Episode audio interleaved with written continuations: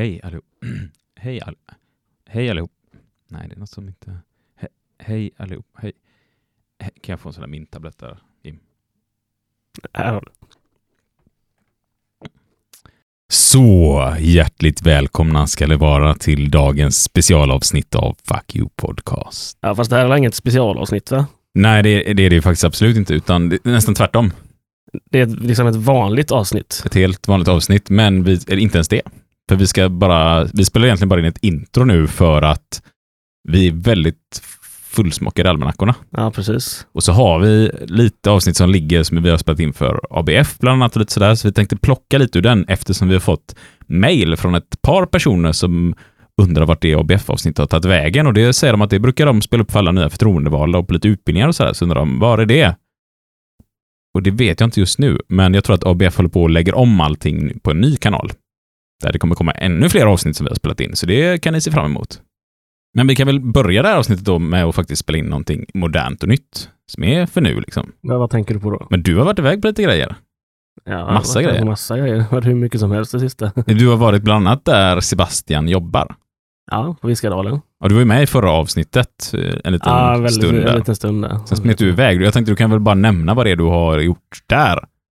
Eh, Det är Y-linjen du tänker på? Ja, Ja, det är ju IF Metall Göteborg då som har en, en eh, heldag där vi tar ut eh, skolelever och har, vi kör rollspel, vi kör bruket och sen förklarar för dem vad det är de har gjort egentligen så att de lär sig historien och förstår hur det fungerar.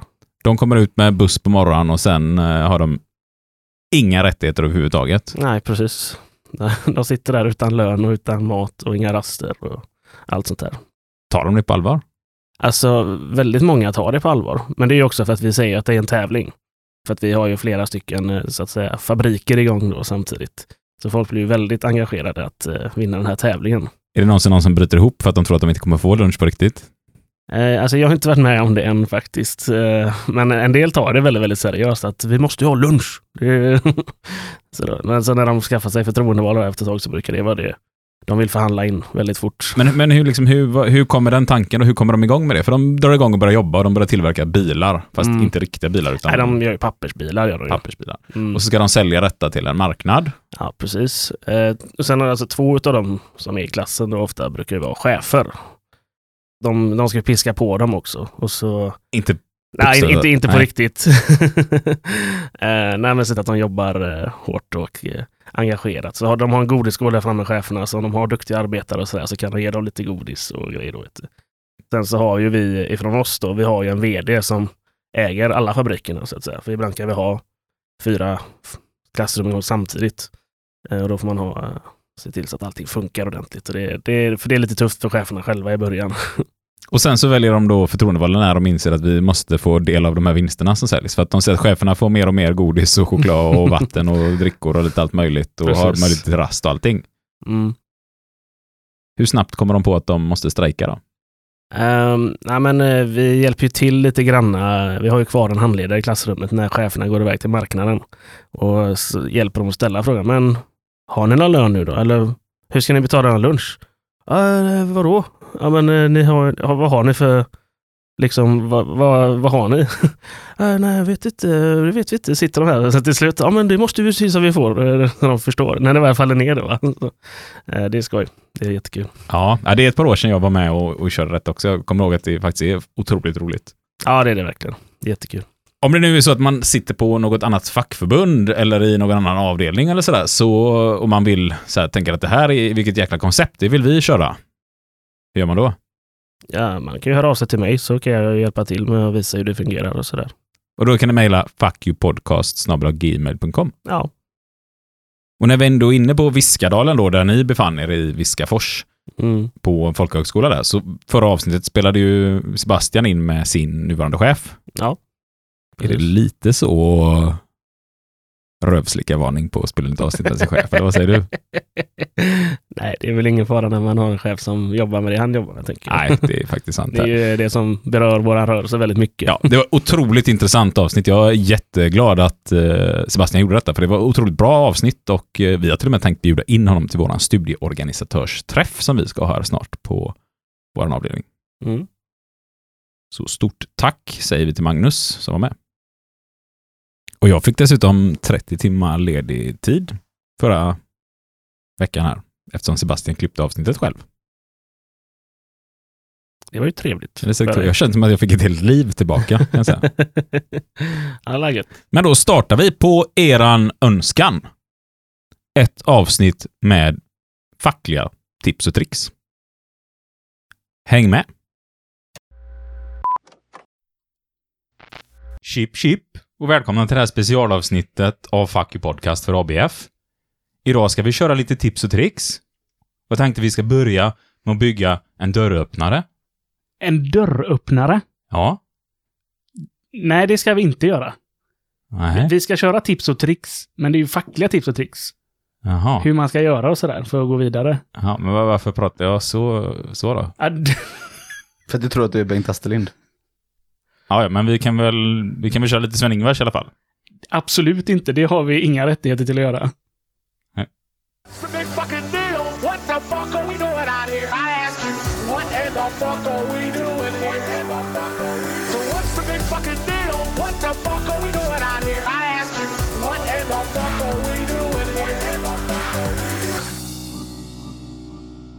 Som... Nu räcker det.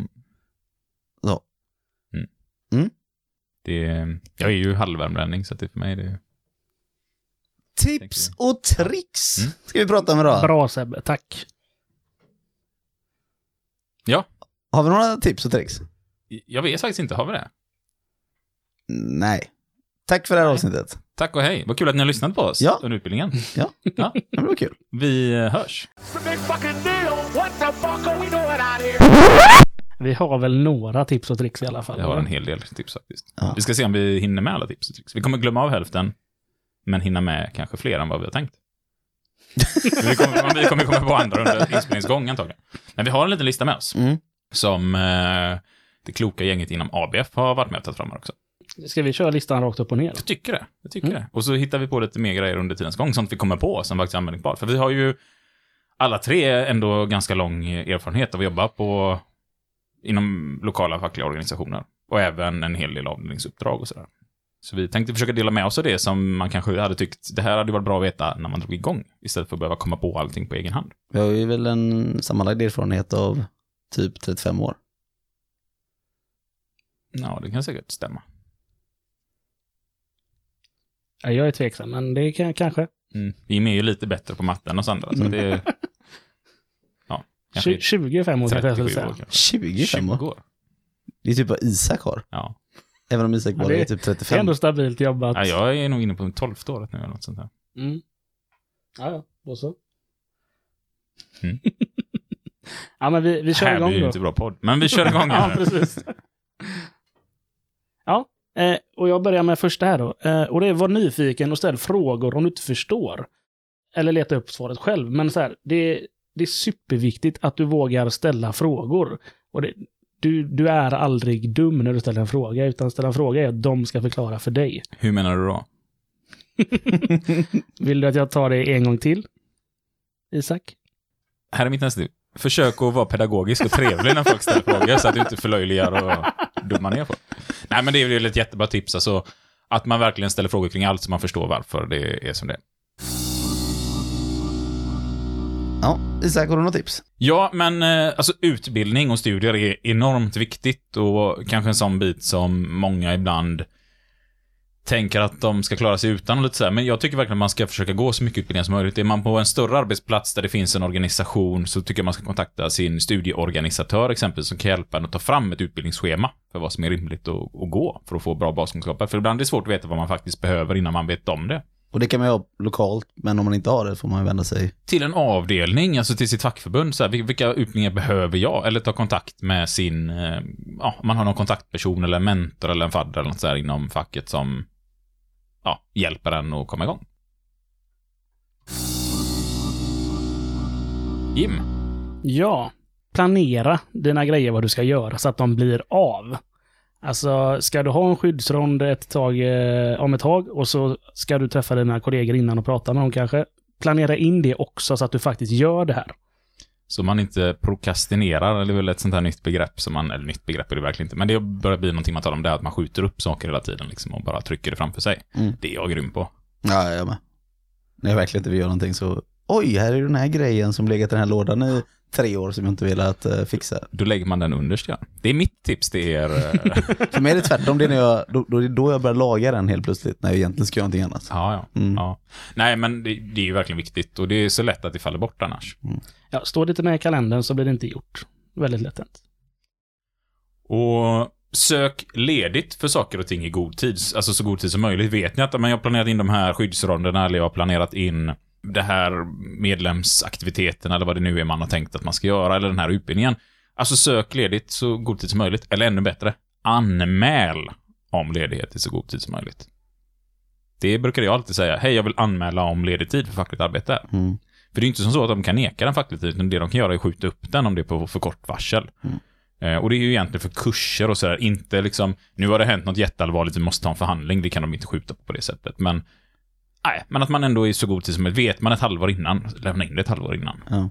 Så får man en, en bra relation där förhoppningsvis med sin arbetsgivare. Alltså istället för att hota med ombudsmännen eller att man ska gå vidare i frågan så är det bättre att förklara för arbetsgivaren att ni verkar uppenbarligen ha olika tolkningar och att du kollar hellre med din organisation, alltså ditt fackförbund, vad som stämmer. Eftersom att man uppenbarligen har olika ingångslägen när man ser över den här frågan. Sen så prata då med en ombudsman eller någon i din organisation och då brukar också arbetsgivaren få lite även ökad motivation att kolla en extra gång på just din tolkning. Alltså du är så säker på din sak, varför är du det? Då vill man kanske kolla en gång till istället för att ja men då får vi väl gå vidare i den här frågan liksom. Så har man bara istället förstärker man ofta den andra personen i sin position. Ja, och man har mycket att vinna på att inte gå liksom i konflikt, utan att man bara markerar att men det här är vår tolkning, vi kommer stå på oss i frågan. Mm. Och, och inte gå i liksom aggressivitet där. Se till att ha en social relation med dina kollegor. Alltså det är jätteviktigt att de känner stort förtroende för dig i det du håller på med. Det liksom räcker inte bara att ha koll på lagar och avtal, utan förtroendet är A och O här.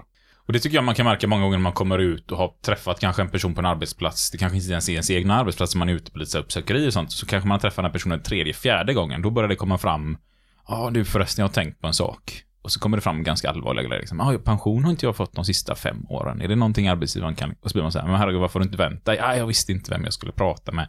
Så det dyker ju upp väldigt mycket när man bara... Och det behöver inte ens vara att man ställer frågan kring det, utan det kanske bara är så här, är läget liksom? Men det ger med sig att till, till slut vågar folk Ja, liksom. de ska känna sig bekväma med dig och Ja. kunna ja, öppna upp sig i vissa frågor också. Liksom. Och det ökar ju också på ert förtroende. Facklig tid tänkte jag är en sån här grej vi ska prata om också lite. Och den är ju jättesvår. Alltså hur mycket facklig tid har man rätt till?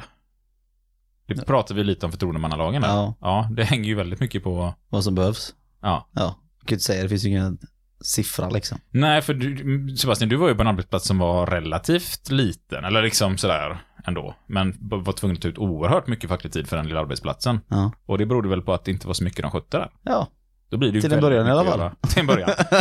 Mindre i slutet nu. Ja. ja. Ehm, och likadant, jag är på en väldigt, väldigt stor arbetsplats där ändå väldigt mycket sköts. Så vi tar ut lite mindre kanske än vad ni gjorde procentuellt sett på medlemmarna. Men en sån här riktlinje man ändå kan ha är väl någonstans alltså en heltidstjänst på 100 medlemmar ungefär. Det är någon form av rimlighet i det för att hinna med det dagliga arbetet och sådär. Eh, Sen givetvis är det ett företag som sköter allt till 100% liksom, och då kanske det är mindre.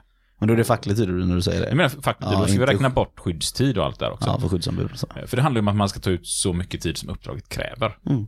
Och det är egentligen det man ska gå efter. Och, Så det är inte massa kvällar och helger och sånt som man sitter hemma sånt, och gör det liksom. Om ni inte jobbar kväll. Ja, då ska, eller helg. Ja. Eh, Men tänk så att det ska, ni ska hinna med det på er ordinarie arbetstid. Det här ska inte gå ut över livet. Och ibland kan jag bli lite sådär besvärad över hur mycket fackligt folk vi har som jobbar både kvällar och helger och jobbar utanför arbetstid och allt och strider. Och så strider man för kortare arbetstid, bättre betalt liksom. Men man ställer upp och gör hundra grejer gratis på fritiden och har knappt någon fritid.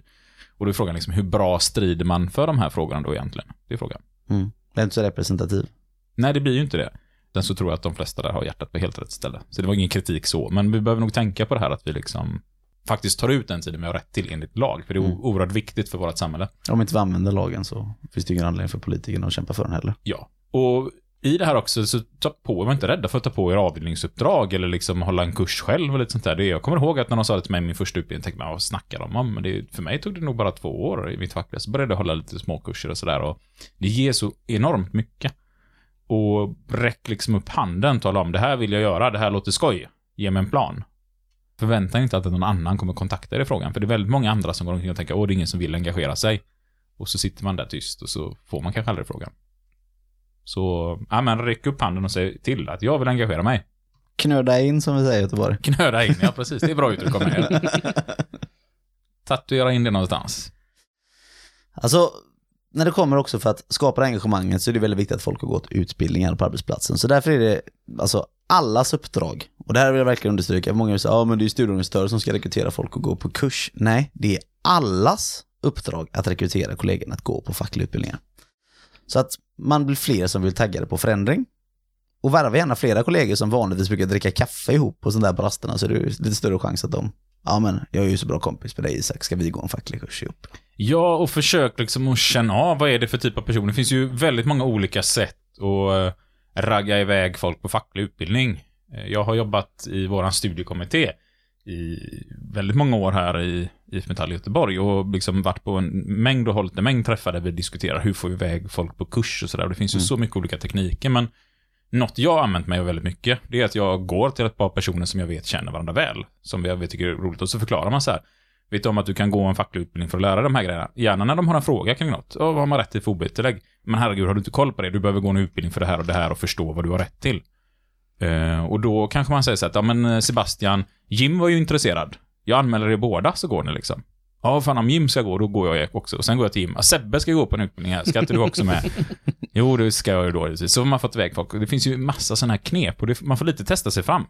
Och vi hade ett studieorganisatör som, han hittade ju alla de här som var lite arbetströtta. Och så gick han till dem och sa, fan du ska inte iväg en dag då. Så får du stipendier och så får du käk och så får du träffa lite folk och det är goda raster och sådär. Och lite lura iväg dem på det här sättet att, ja du vet, det är slappt som attan att gå en facklig utbildning. Och sen kom de iväg, kom dit och insåg att shit vad roligt det här var. Och tyckte det var skitkul och så kom de tillbaka, ja det var ju inte som han sa att det var något slappt att man bara fika, utan det var ju ändå liksom man fick gå igenom. Men de har varit supernöjda. Så det finns ju alla metoder att gå igenom. Jag brukar ibland till och med använda som argument att oavsett vad du ska jobba med, så om du så ska bli VD för ett företag så behöver du kunna arbetsrätten. Ja, ja precis. Så att det finns liksom, man får försöka hitta så här, vad är det för individ? Lagen är ju lagen. Ja, vad, vad tror jag den här individen är ute efter i livet? Vad, vad kan jag hitta för något sånt här? Och framförallt när någonting har hänt. Mm. Då tycker jag det är ypperligt. Någon har blivit varnad för något eller någon har problem med sin pension eller sina löneutbetalningar. Så tar man upp så att herregud, du behöver gå en utbildning så att du lär dig detta. För tänk om dina barn blir blåsta på detta eller din fru eller liksom sådär. Det är ju det här är viktiga grejer att ha koll på. Och det är aldrig någon som kommer tillbaka och är missnöjd. Alltså, Nej. Det har aldrig hänt mig i alla fall på min arbetsplats. Nej, jag har faktiskt inte varit med om det heller. Oftast Och- tvärtom, att man vill gå fler kurser. Ja, precis. Ja, vi hade ett gäng, vi fick iväg tre stycken på en avdelning. Fick li- verkligen kämpa, kämpa, kämpa för att få iväg dem. Ja, så jag fick flera gånger, alltså inte ge upp i en sån sak. Det vill jag verkligen skicka med. Ge inte upp, utan gå och köta om det. Till slut kommer folk liksom, fan, han går och tjötar om det en gång i veckan. Det måste ju vara någonting vettigt i det här till slut. För det är så vi funkar, tyvärr. Ja, Det är lite psykologi i det. Hör man någonting tillräckligt mycket så blir det en sanning till slut liksom. Eh, Och det är ju extra bra om det också är en sanning, vilket det är i det här fallet. Eh, Men vi fick iväg tre stycken och sen anmälde de sig till 70 olika utbildningar eh, när de kom tillbaka efter det. Så då ringde våran HR upp och sa, vad fan är detta liksom? Nej, det är inte vi som anmält dem, utan de har sj- själva anmält sig. Så då fick vi prata med dem och så fick de Sprid börja med fyra var där, liksom. ja. Så att, ja, och tänk er själva så här, om ni är på en arbetsplats och ni får iväg 30% eller 40% på utbildning, vilken skillnad det kommer bli. För en arbetsplats där kanske 30 eller 50% av medlemmarna har gått på en facklig utbildning, det kommer vara så mycket starkare sammanhållning, förståelse för den fackliga verksamheten, de kommer ställa upp på ett helt annat sätt och stå bakom den fackliga, för man förstår vikten av allt det här. Mm. Och det har vi ju sett. Vi har ju varit ute flera gånger, vi, alla vi tre, och hållit utbildningar på arbetsplatser för hela arbetsgrupper. Och vilka enorma skillnader det blir. Och på flera av de här ställena så har de bildat klubb Mm. eh, direkt efter vi har varit där. Alltså det är alltid tips på skadeståndsfrågor exempelvis när man har en MBL-brott eller vad det nu än kan vara. Att man faktiskt tar ut att vi vill ha en gemensam arbetsplatsutbildning här exempelvis i fackliga frågor. det är- vara. Ett fantastiskt Ja. tips, verkligen. Ta den igen liksom. Som skadestånd i en förhandling Ta istället. ut utbildning för personalen i fackliga frågor. Så man kanske kör en hel dag, och så slår Ja. man ihop det med utbildningstiden i utvecklingsavtalet. Ja, exempelvis. Fundera på hur du ska jobba fackligt så att alla dina kollegor får tillgång till lika mycket information som du har. Den är ju svår. Hur gör man det? Alltså, olika utskick kanske, mail, sms eventuellt. Eller ha medlemsmöten.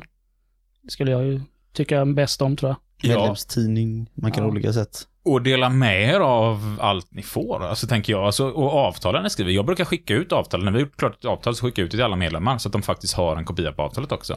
Alla kanske inte förstår och begriper hur man ska tolka det, men alla får intresset för att faktiskt bläddra. Vad fan är det här liksom? Och ställa frågor. Så det kommer ju mycket frågor kring det. Och de som då liksom har mycket frågor kring det, vet du vad? Dra iväg på en facklig utbildning om eh, lagarna också. Det är så man verkligen kan få igång ett bra engagemang. Så att eh, jag tror det här att ju mer insyn man har i saker och ting, ju mer kunskap man får om någonting, ju, svårare blir det att hålla sig ifrån det. Och det ser ju Absolut. vi när folk som går fackliga utbildningar att väldigt stor del av de som går en medlemsutbildning engagerar sig sen fackligt i någon form av uppdrag. Sen har vi det här med att besöka sina kollegor också och ha ett mål med det tycker jag kan vara väldigt viktigt. Det är någonting som jag själv får jobba väldigt hårt med för vi har liksom 17-18 verkstäder utspridda över en ganska stor region. Det tar oss över en dag att bara köra mellan de här anläggningarna. Sen sitter det säkert norrlänningar, de har säkert en hel dag för att köra till lunchrummet liksom. Men eh, för oss så är det en ganska stor yta ändå. Eh, och då kanske man får sätta upp en sån här mål om att men en gång om året så ska jag ha pratat med varenda medlem personligen. Men det är om någon större arbetsplats. man Ja, har eller liksom kanske det. dela upp det mellan styrelsen. Har man en mindre arbetsplats, men då kanske det är en självklarhet att man träffar alla varje dag. Precis. Men att man faktiskt försöker ta sig tiden att prata fackligt med alla. Ja. Det gjorde jag som kontaktombud när jag var på min mindre avdelning. Vi var 30 personer, kanske 60 om jag räknar med andra halvan. Eh, att man faktiskt en gång i månaden försökte gå laget runt. Vad har du för frågor? Vad tänker du inför nästa styrelsemöte? Har du någonting jag ska ta med och sådär? Och det gjorde också jättestor skillnad. Om du får en fråga om vad som står i kollektivavtalet. Alltså hjälp kollegan att hitta sånt här själv i framtiden så att det blir ett självspelande piano i slutändan. Att, ja men vi kollar här, ta upp boken tillsammans, kika i den så, att, så att de lär sig. Det, det kommer hjälpa er jättemycket. Ja, och till en början kanske man upplever det som att det blir jobbigare, för att då upptäcker ju folk massa fel hela tiden. Ja, som man, som som man inte har tagit tag i. Ja, precis. Men det är ju det Ja. som är syftet med allting, så det är ju superbra. Och på så sätt kanske man kan också få dem att kliva in i nästa steg, hoppa in i styrelsen också. Eller följa med på förhandlingar också. Eller liksom sådär. Den är ju görviktig. Ja, alltså, men det, det är ju svinbra när medlemmarna kommer och har hittat fel som man inte har tagit tag i. Eller man, man kanske vet om dem, men det är lite känsligt att ta det just nu. Men när man vet att medlemmarna kommer och trycker på det här, ja, då är det bara att gå in och säga det du tycker. Ja. Alltså det som de tycker. Och det är så det ska vara. Tänk att kliva in på en förhandling och bara säga så här, alltså, chefen, jag håller med dig. Det här är galet. Liksom. Inte ens jag tycker man har rätt till detta. Men alla medlemmar är helt vansinniga över hur de har hittat det och jag vet inte vad jag ska säga till dem. Ja, men det blir väldigt lätt att förhandla. Det är ju ett bra förhandlingsläge. Det, ja, liksom. väldigt bra. Ja, men alltså, ju fler som kan läsa avtalet desto bättre. För att alltså, då får man kan jag säga, inofficiella förtroendevalda som företräder sina kollegor genom att de vet vad som faktiskt gäller. Och jag menar, när vi är ute på arbetsplatser så brukar vi ofta prata om att alltså, man skulle aldrig skriva på något konstigt mobilabonnemang som sträcker sig på 40 år eller sånt där för att man inte har läst liksom, eh, det finstilta i avtalet. Och samma sak är ju kollektivavtalet, eller alla avtal egentligen. Det är, ju- det är ju faktiskt sitt anställningskontrakt i det förlängda loppet, vad det faktiskt innebär att jobba här. Och hur vet man allting? Kan man sida 87 i sitt avtal som står om eh, permitteringslön vid liksom huvudsemester? Vad gäller då? Nej men det, det står ju bara i avtalet och därför är det viktigt att så många som möjligt kan läsa så att man vet om man blir lurad. Så tänk därför att lag och avtal är egentligen de, alltså lag är det sämsta, sen kommer avtal, det är också det sämsta och det lokala är det som i slutändan avgör. Så försök alltid få till lokala avtal. Där är det förbättringar oftast. Sen får man ju tänka att det är ju självklart okej att inte veta allt direkt. Alltså alla är ju nya i början. Och det är bättre att ta reda på det rätta svaret än att faktiskt ge felaktiga svar. Alltså det är bättre att säga, "Ja, jag- får kolla upp det och återkomma till dig. Och då är det väldigt viktigt att man faktiskt återkommer till den här personen som har ställt en fråga. Jag personligen brukar alltid ha ett litet eh, block i fickan där jag skriver upp alla frågor. Och så kollar jag upp dem under dagen och i slutet på dagen så brukar jag alltid ge ett svar om jag inte kunde, vad det nu var. Så att man måste tänka att det är okej att Ja. inte veta allt. Även om man inte är ny så är det okej att inte kunna allt. För saker och ting förändras också hela tiden. Ja, Eh, och det, det är jätteviktigt att kunna erkänna det för sig själv. Tror man att man kan allting, då är man körd sen. Ja, ja, ja. Och alltså ibland förändras ju också saker så att man, ibland behöver man ju dubbelkolla sånt man redan vet. Och jag kan ibland sitta och säga så här, Eh, men så här är det i lagen vad jag har fått lära mig, men det kanske är tio år sedan jag gick den utbildningen, så att jag behöver dubbelkolla så att det fortfarande är så här nu, för det kan ha förändrats. Eller, ja, men jag behöver dubbelkolla med några andra, så inte jag har misstolkat lagen, men så här tror jag att det är. Mm. Alltså, det, sånt använder jag, och det, ibland ger det till och med ett mycket mer seriöst intryck än om att man bara svarar vad det är. För det är ju också ett tecken på att man visar att det här är komplicerade saker, det är inte bara att svara ja eller nej. Och ibland kan man ha sån hybris och man startar en podd där man lär ut. Ja, Det, det kan ju hända också. kan hända att man... Ja, det är illa. Och jag brukar också så här, säga till folk att eh, påminn mig, har du inte hört någonting ifrån mig nu på en vecka? Jag är väldigt fullbokad just nu och jag blir lite snurrig, jag har svårt att komma ihåg saker på rak arm när jag inte har penna och papper framme. Så påminn mig om en vecka om du inte har hört något. Och då blir folk så här, ah, vad bra, då gör jag det. Eh, och då är det aldrig någon som heller som blir arg sen om man skulle ha missat. För då har liksom, ah, jag förstod, du gick mellan två förhandlingar, eh, du hade ingen möjlighet att skriva upp det sådär. Eh, så det, och även när jag skriver upp saker ibland så säger jag så. Du får jättegärna ligga på mig och påminna mig om en vecka. Och jag sätter en tid. Så att jag har tid på mig också, men om jag skulle glömma av det så får de kontakta. Om ni vet med er att ni är lite slarviga personer. Jag är superslarvig när det kommer till sånt här. Sen när jag väl informerar så är jag väldigt tydlig och. Men det händer att jag missar och det brukar jag tala om för folk. Så blir de inte lika arga. Utan tvärtom så tycker de bara att jättebra, nu vet jag läget. Och är ni lite osäkra på var ni hittar svar och sånt, alltså kolla alltid med en organisation. Det finns alltid någon där som kan hjälpa er. Och jag brukar alltid säga att liksom, försök hitta någon form av mentor, alltså i det fackliga. Det kan vara en på, om ni har en klubb eller om ni har en sektion eller kan vara på en avdelning eller en region. Att ni försöker hitta en person där som känner att den här personen har jag förtroende för och den vet vad jag kan få rätt stöd och tips om vad jag ska leta.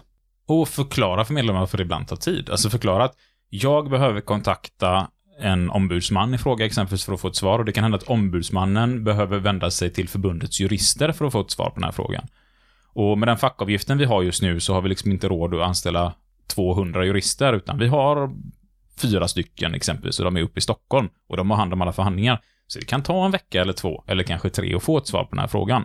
Eh, Men har vi rätt så kommer vi kräva pengar retroaktivt tillbaka i tiden. Exempelvis. Så att, Mm. så att personen vet, okej, så här lång tid kommer det att ta. Och då förstår man också har en acceptans för det. Eh, Och, och, och ha verkligen som mål att ni återkopplar om allt till medlemmarna. Gå inte in på förhandlingar och upptäck att Oj, här har de missat pensionsutbetalningar och så ser ni till att få ut de pensionspengarna. Sen talar ni inte om det för medlemmarna. Och så är det ingen som ens märker att de har fått ut extra på. Utan jag brukar verkligen försöka se till att vid en löneförhandling, alla får ett individuellt samtal om lönerna. Eller gå på ett informationsmöte där vi tar upp om allas löner. Eh, så att alla känner att de verkligen fått till 100%. Och kanske både som Jim var inne på här, sms, eh, mail, alla möjliga typer av varianter. Lova aldrig att återkoppla till folk om ni inte håller det. Då är det bättre att ni gör som mig här och säger att eh, ibland är jag tankespridd och har mycket i huvudet. Så att du måste påminna mig. Annars har man ett jävla gäng besvikna medlemmar som tycker att man inte gör någonting.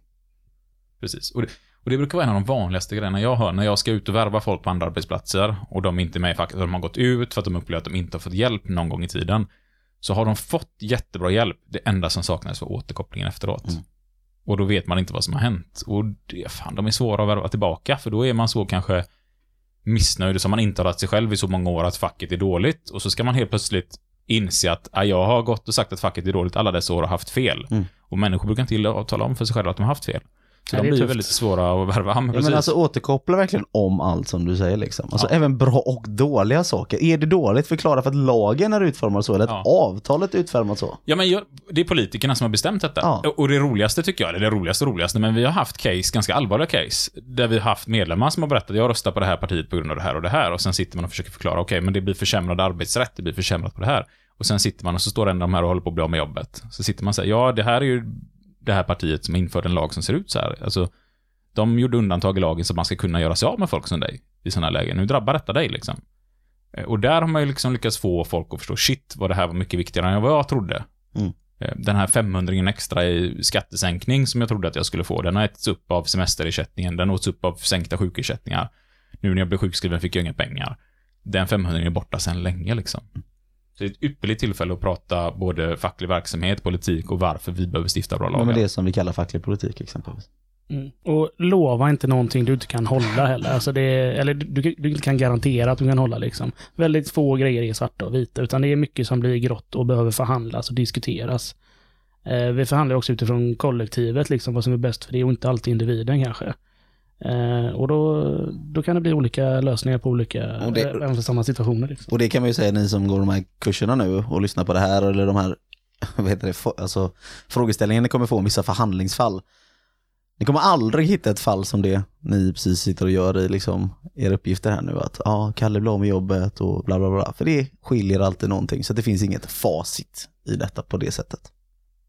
De absolut bästa fackliga jag har sett i hela mitt liv har haft medlemmar som inte har tyckt att de har varit bra. Just på grund av att de har lovat lite för mycket. Att vid en förhandling så säger man, jag ska fixa det här. Och så blev det 99% av det. Och då står medlemmen och är missnöjd. Jag brukar försöka att tala om att mitt mål med förhandlingen är att nå detta. Företaget kommer ha ett mål som ser ut så här. Vi kommer få mötas någonstans, troligen. Jag ska se till att det blir så bra som möjligt. Då brukar man vara supernöjd när man har fått igenom de här 99 procenten. Mer än nöjd, för man förstod liksom vad motparten ville. Så att, eh, ja. Den är, och det är så himla lätt att gå i fällan och säga åh, jag ska fixa detta och sen kommer det upp ny information. Det har hänt så många gånger. Mm. Och tänk lite när det kommer att det finns ju ganska mycket återkommande grejer. Man ska ha årsmöten, man ska ha medlemsaktiviteter och så säger man men det tar vi någon gång i februari eller det tar vi någon gång i augusti den här medlemsaktiviteten. Alltså gör ett årshjul egentligen för de sakerna som är fortlöpande. Alltså när ska det vara skyddsronder? Har man några speciella informationsmöten, fyll i det så att alla egentligen i klubben kan vara med i den verksamheten för att veta om vad som faktiskt sker. Alltså på min förra arbetsplats så hade vi en hemsida exempelvis där vi försökte dela av oss så mycket information som möjligt till medlemmar. De skulle kunna se när vi hade styrelsemöten. De skulle kunna se när det var skyddsronder så att de kan komma med input innan liksom. Ja, den var ju jättebra. Ni gjorde en egen hemsida för klubbens pengar och det är, det är ganska billig och sådär, men ändå var den fruktansvärt informativ. Det stod vilket skift, vilka personer satt i styrelsen, när var mötena, så alla medlemmar kunde faktiskt inför möten lägga förslag och allt möjligt. Och det skapade ju ett superengagemang hos er. Det har Ja. ju varit, jag har ju besökt er klubb och det är jättekul att träffa era medlemmar för att alla känns så engagerade. Vi hade till och med en sån här liten grej, eller den finns ju fortfarande kvar sidan, alltså så, och används av den nuvarande klubben, men där man kunde anmäla sig för kurs. Man skrev vilken kurs man ville gå och sen så tryckte man sitt personnummer och namn och så skickades det direkt till studieorganisatören som bara kunde vidarebefordra det till ja, vår IF Metallavdelning här i Göteborg. Så bara, bara personen anmäld till kurs. Och det ersatte ju inget, utan det var ett komplement Ja. till allt det andra. Ja. Eh, Men allt det här ihop skapade ett jätteengagemang, för oavsett vad man var så... Ja. Ja. och när vi pratar möten och sånt här så kan det ibland finnas pengar att hämta ifrån en avdelning eller från LO eller någon sektion eller sådär då för att eh, kunna hitta på grejer med medlemmarna och skapa ett, ja, en, en sammansvetsning i, i gruppen eller med medlemmarna. Eh, och få ett ännu starkare engagemang. Vad kan det vara för grejer exempelvis då? Ja, men säg att du vill eh, gå ut och ha en bowlingkväll med, eh, med kollegorna liksom. Eh, eller att ni ska ut och grilla eller ni kanske ska köra Göteborgsvarvet ihop ett par stycken. ja, hitta på och sen ta kontakt med era förbund. För många förbund har ju pengar till att, om ni inte har egen klubbkassa med egen ekonomi. Ifrågasätt allt, har jag skrivit upp som en sån här punkt. Jag läste det, vad fan menar han med det här? Jaha. Ja, men det låter kanske hårt, men, men jag, alltså ifrågasätt allt. Ifrågasätt beslut som tas, ifrågasätt varför ser det ut så här i avtalet, ifrågasätt varför säger våran ombudsman att vi inte kan driva de här frågorna? Och då menar jag inte så här på ett otrevligt sätt, utan jag menar, nej men jag behöver kunna förklara för mig själv, jag behöver förklara för min dummaste medlem, säger jag innan situationstecken här, men det är inte riktigt så jag menar. Utan, ja, men jag vill kunna förklara för alla. Den som har minst kunskap på detta området vill jag kunna förklara för. Jag vill kunna förklara för min treåring hemma varför pappa inte kan eh, säga nej till övertiden på söndag. Mm. Vilka politiska beslut ligger bakom? Eh, varför ser avtalet ut så här? För det är ett jäkligt bra sätt att lära sig på. Och det är också ett jäkligt bra sätt att hitta saker som vi kanske inte har drivit, som vi kanske borde driva. Eh, hitta saker som Alltså, vi människor gör otroligt mycket konstiga saker utan egentligen tänka efter, bara för att det alltid har varit så. Jag tänker på det här med typ bestick, liksom. Kniven på vänster sida, och, äh, fel. Kniven på höger sida och gaffeln på vänster sida, liksom. Eller vad sa du? Ja, Jo, så det, det. så stämmer. Ja, kniven på höger sida. Kniven på höger sida. Ja. Och, och så tänkte jag så här, alltså vi från början liksom, ja, enligt vissa teorier då, utvecklats från liksom apliknande djur till att bli människor. När i steget kom det här viktiga med att gaffeln ska vara på vänstersidan liksom? Var det apan där på savannen som liksom säger till den andra apan, vad fan gör du Bobo? Fan, har du, har du kniven i vänster hand? Ja, då säger apan liksom. Fan, så kan man inte göra. Eller det här man får inte ha bru, Ja, Bo- bruna Bo- Bo- Bobo Ribbing som eh, införde etiken hos- aporna. Vet du Ja, men, eller en sån här sak, vissa säger så här, du får inte ha bruna skor efter klockan 19. Liksom. Tänk dig den Eller röda apan på byxor savannen. om du, om du bara seglat runt Afrikas horn. ja, den här apan som liksom, fan gör du? Har du bruna skor efter klockan 19? Klok eller? Men om någon säger, så du, om du får svar på det så är du nöjd liksom. Nej men man måste ha seglat runt vi Afrikas horn för att få ha Det på vill komma till, vi, röda byxor. vi- Man kan gör- ifrågasätta det en gång till sen, Vi även om man får ett svar. ja, vi gör otroligt mycket dumma saker. Vi- Ska vi ta en sån här på slutet liksom nu? Vi har väl någon punkt till där, men det här eh, klassiska experimentet med apor som eh, fick en banan uppe på en stege, men apan skulle klättra upp och hämta bananen. Det var ett par apor där inne. Så sprutade iskallt vatten på alla andra apor. Vilket gjorde att den apan som skulle klättra upp och hämta bananen, den fick ju stryk av de andra, för ingen vill ha iskallt vatten på sig, för det hatar de tydligen aporna. Konstigt. Det, det gör jag med. Eh, och så bytte man ut en apa. Och den apan, det första den gjorde var, oh, kolla en banan, skulle klättra upp och så fick den stryk. Fattar du? Den, den bananen ska inte jag ta för då slår de andra aporna mig. Så bytte man ut nästa apa. Likadant va. Oh jävlar, en banan. Fick stryk. Till slut bytte man ut alla apor.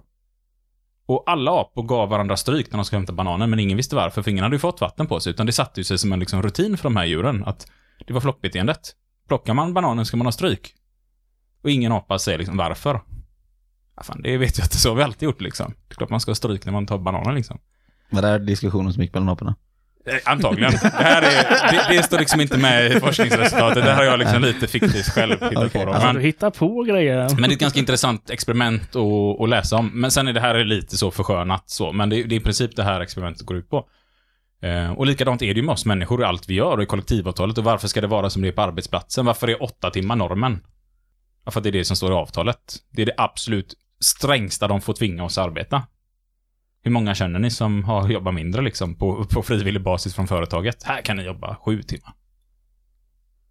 Nej, Man har ju läst om några få företag som har det så. Men det är inte många. Nej. Utan de allra flesta lägger sig på avtalet eller lagens minimum. Och glöm inte att använda medlemmarna när du förhandlar. Det är superviktigt. Det är de du förhandlar för och det är de som eh, ger dig makten i det du förhandlar. Det kommer liksom aldrig vara er de är rädda för vid förhandlingsbordet, utan det blir Nej, det är medlemmarna. För det får man ju inte glömma liksom att det är ju faktiskt inte du som individ som bara sitter där inne, du sitter ju där inne som representant för resterande personer som arbetar. Men jag har faktiskt det absolut bästa tipset. Ja, vad är det, Sebastian?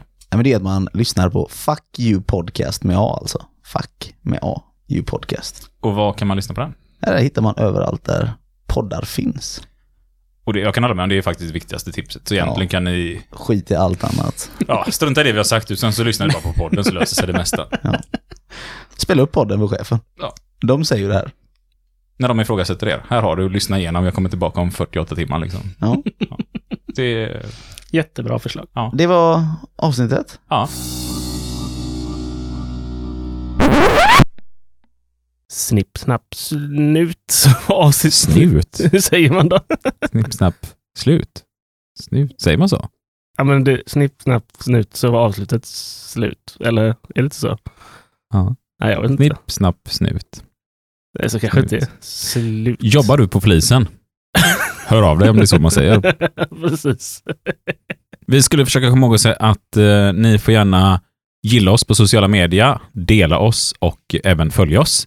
Och är det så att du lyssnar på podden på någon form av streamingtjänst så får du gärna sätta betyg på den. Och gärna ett högt Eller, betyg. Det är ja. kul. Eh, Om du ska sätta en femma, sätt betyg, annars kan du hoppa över det.